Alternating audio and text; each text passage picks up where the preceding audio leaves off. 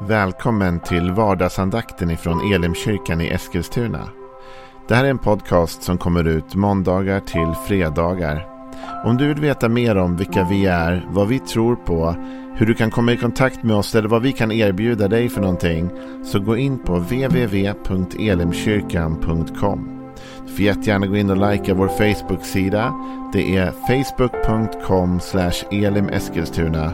Eller så söker du upp oss på YouTube och då söker du på Elimkyrkan Eskilstuna. Vi vill jättegärna komma i kontakt med dig. Men nu lyssnar vi till dagens andakt. Välkommen till vardagsandakten.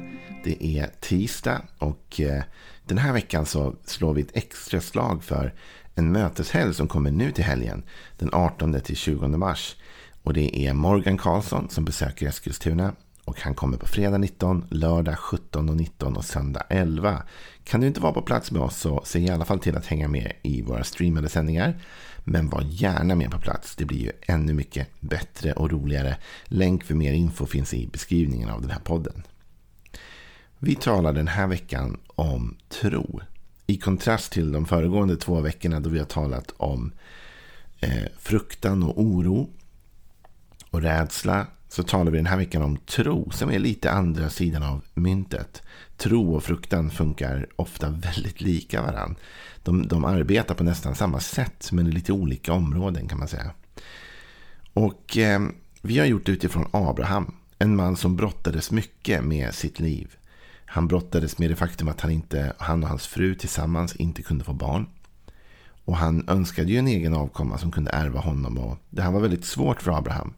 Och mitt i det så kommer dessutom Gud till Abraham och ger honom ett löfte och säger men det är visst så att du kommer att få en son som kommer att ärva dig.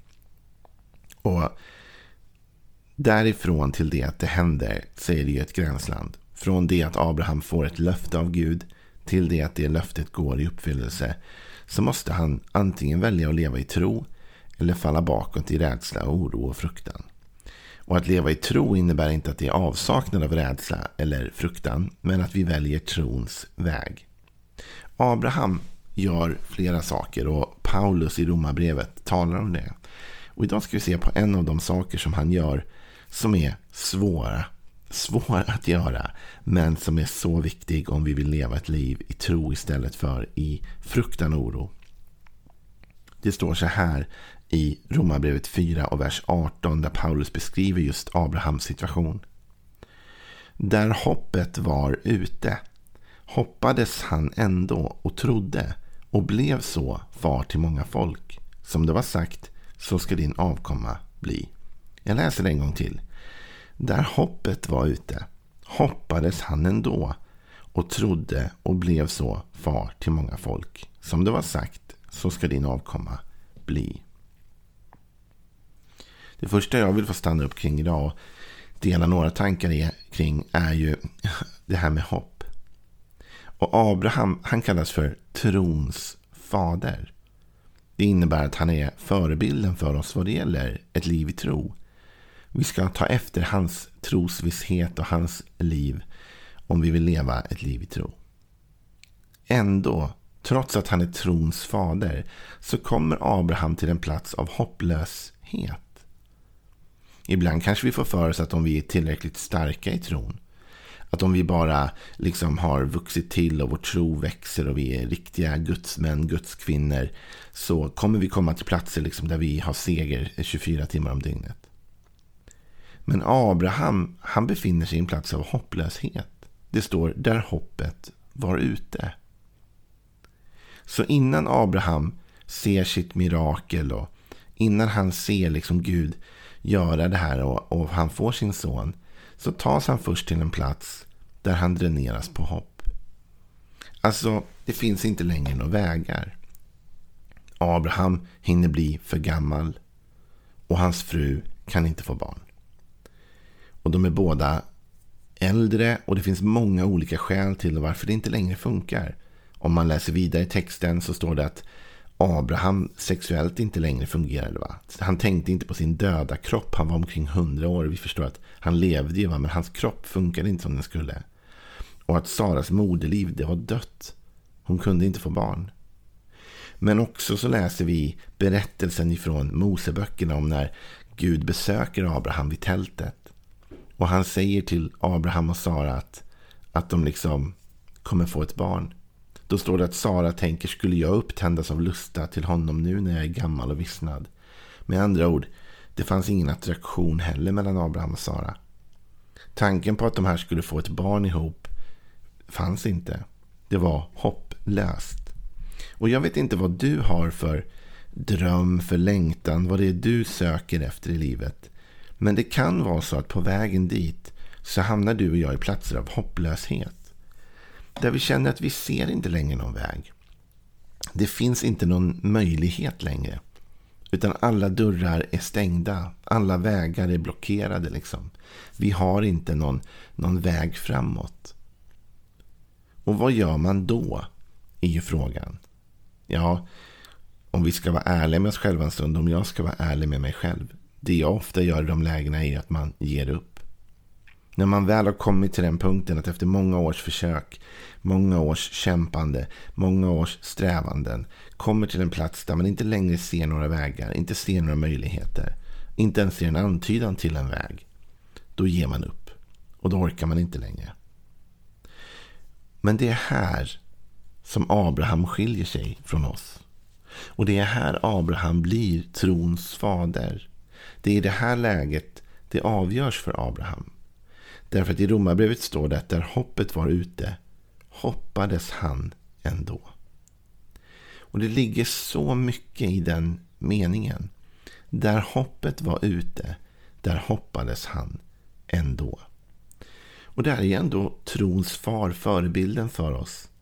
Och vad säger det till oss då? Jo, men det säger att du och jag, när vi kommer till platser av hopplöshet, inte borde ge upp, utan borde våga hoppas i alla fall. Och det där kan vara väldigt svårt att ta till sig, men jag skulle vilja uppmuntra dig idag att inte ge upp på dina drömmar. Och du kanske säger, men det är kört nu. Jag är för gammal eller jag är på en plats i livet då det inte är aktuellt längre. Eller jag ser inga vägar, jag ser inga dörrar. Allt det där var sant om Abraham. Och ändå så säger Abraham, säger skriften, att han hoppades ändå. Och du och jag kanske kan ta detta till vårt hjärta idag. Finns det något i ditt liv? Finns det något i mitt liv som vi fortfarande kan hoppas på? Även om det känns hopplöst. Men bara för att dörrarna är stängda för dig och mig så innebär det ju inte att dörrarna är stängda för Gud. Eller att Gud inte har ytterligare en väg. Att våga hoppas i alla fall där hoppet var ute. Det är ju lätt att hoppas när man fortfarande ser alternativ. Jag menar, när du och jag ser att det skulle kunna bli det där och det skulle kunna bli det där och möjligtvis kan det bli det där. Då kan vi hoppas på det. Men när alla dörrar framför oss är stängda, alla vägar är körda, då är det svårt att hoppas. Och då står det, då måste tron in i detta. Därför det står att där hoppet var ute hoppades han ändå och trodde. Trodde på vad? Trodde på Guds löfte. Gud hade ändå sagt till Abraham att han skulle bli far till många folk. Han kände att detta var någonting som Gud hade gett honom. Och jag menar såklart inte att du och jag ska gå runt och hoppas på en massa grejer som bara är liksom vad som helst. va. Men jag tror att det finns saker i ditt och mitt liv som är djupare. va. De djupaste längtan som kanske vi kan förstå till och med på något plan är del av det Gud har gett oss eller gjort oss till. Vi bär dessa saker inom oss därför ytterst sett har Gud lagt dem i oss Det kan vara längtan efter en relation, kan vara längtan efter saker som har med tron att göra, kan vara längtan efter olika saker som man vill ska hända och ske. Och innerst inne kanske Gud har lagt detta i oss.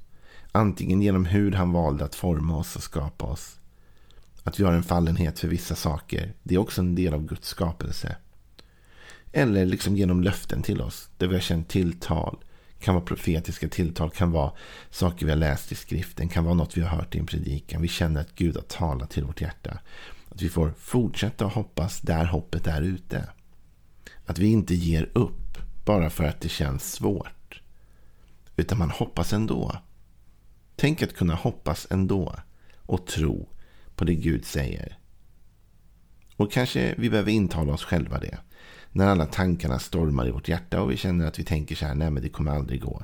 Får vi avbryta oss själva och säga, jag hoppas ändå. Eller när vi berättar vår dröm för någon människa och de bara slår ner den eller trycker ner den eller det kommer en syrlig kommentar eller någonting som får oss att känna bara att vi tappade modet. Va? Att vi kan säga till oss själva och säga till dem, ja men jag hoppas ändå. Jag vet hur det ser ut. Jag är inte naiv. Jag vet att hoppet är ute. Men du vet, jag hoppas ändå. Därför jag har en Gud som är större än det jag möter. Och jag har en Gud som kan skapa någonting ur ingenting. Och jag har en Gud som ser slutet från början. Så jag litar på honom. Jag vet att han har kontroll över läget. Och jag tror, jag väljer att tro på honom. Det här vilar, faller tillbaka på vår tro på Gud. Och i Jeremia 29.11, det här är ju välkänt, så säger Gud att han vet vilka tankar han har för oss. Nämligen fridens tankar och inte ofärdens. För att ge oss en framtid och ett hopp. Gud vill inte bara ge dig en framtid, utan Gud vill ge dig en framtid och ett hopp. Eller ett hopp för framtiden. Och hoppet behöver vi i hopplösheten. Hoppet är det som håller oss ankrade på vägen mot Gud. Hebreerbrevet 6.19 säger detta hopp har vi som ett tryggt och säkert själens ankare som når innanför förhänget. Och innanför förhänget, förhänget var ju det som avskilde mellan det allra heligaste där Guds närvaro var. Hoppets ankare är inkastat där. Så att vi har vårt hopp hos Gud, ankrat hos Gud. Och det håller oss på rätt riktning och rätt kurs. Så lätt att drifta iväg annars, ut i allt möjligt annat. va? Och i hopplöshetens liksom mörker och det är då vi ofta bara, nej men jag ger upp den där drömmen. Jag slutar tänka på det där, jag tror inte längre, jag orkar inte, jag tror aldrig det kan ske. Men om vi vill vara trons folk, då hoppas vi ändå. Även när det känns hopplöst, så hoppas vi ändå. Och i tider av oro i världen, vi har talat om det några veckor, där vi liksom inte vet hur saker och ting ska gå. Och vi kan känna en oro för både det ena och det andra. Och den oron kanske till och med är befogad ur många perspektiv så skulle jag ändå vilja uppmuntra dig. Att hur mörk en världen känns och hur mörkt ditt liv än känns och hur svåra och pressade dina omständigheter än kan bli. Välj att hoppas ändå. Ge inte upp. Om Gud är med dig, vem kan vara emot dig? Han som inte skonade sin egen son utan gav honom till hjälp åt oss alla. Skulle han inte ge oss också allt med honom? Så vi får hoppas i alla fall. Hoppas ändå. Kanske det är någonting man kan skriva upp på en lapp och sätta på kylskåpet. Eller sätta någonstans hemma där du ser det. Liksom.